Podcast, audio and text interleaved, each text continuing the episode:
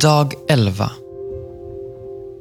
När nu barnen hade fått del av kött och blod tog han själv på liknande sätt del av detta för att genom sin död göra den maktlös som hade makt över döden, alltså djävulen, och befria alla dem som av rädsla för döden levt i slaveri hela sitt liv.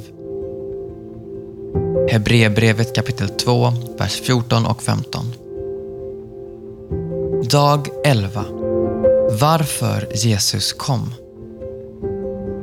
Hebreerbrevet kapitel 2, vers 14 och 15 är, tror jag, min favorittext för advent.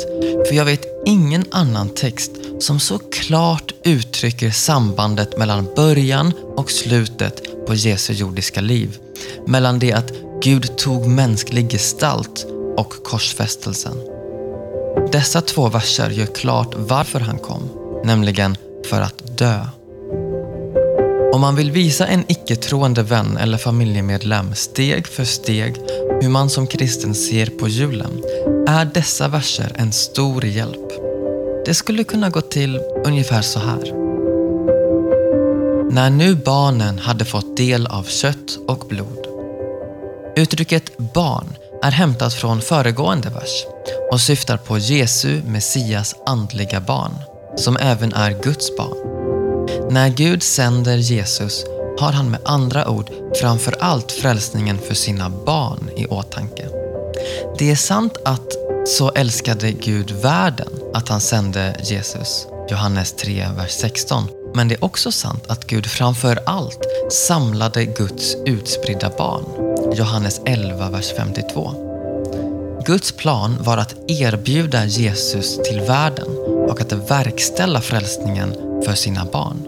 Se första Timoteusbrevet kapitel 4, vers 10. Om du tar emot Jesus så blir du Guds adopterade barn.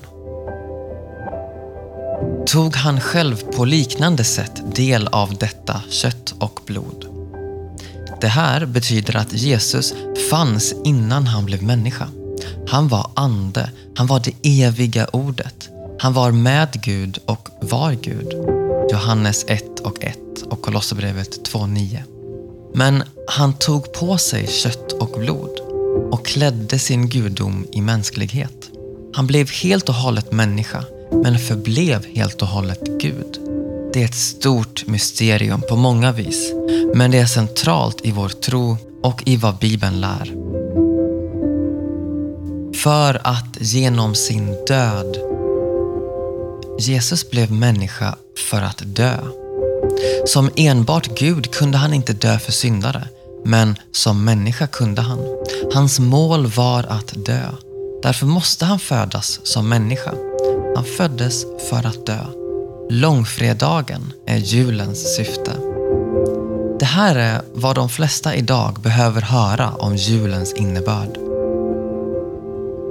Göra den maktlös som hade makt över döden, alltså djävulen.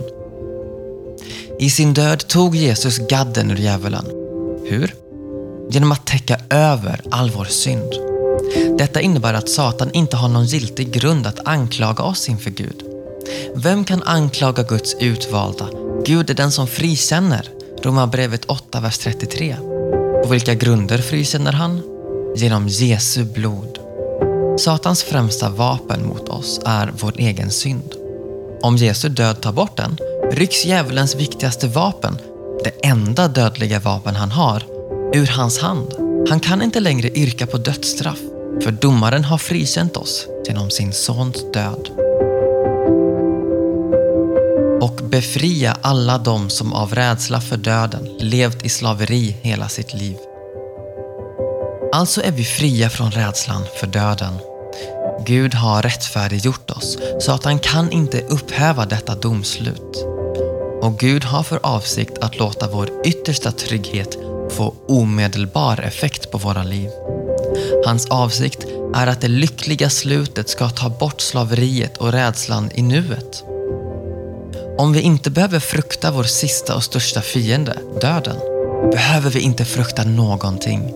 Vi kan vara fria, fria till glädje, fria för andra. Vilken underbar julklapp från Gud till oss. och från oss till världen.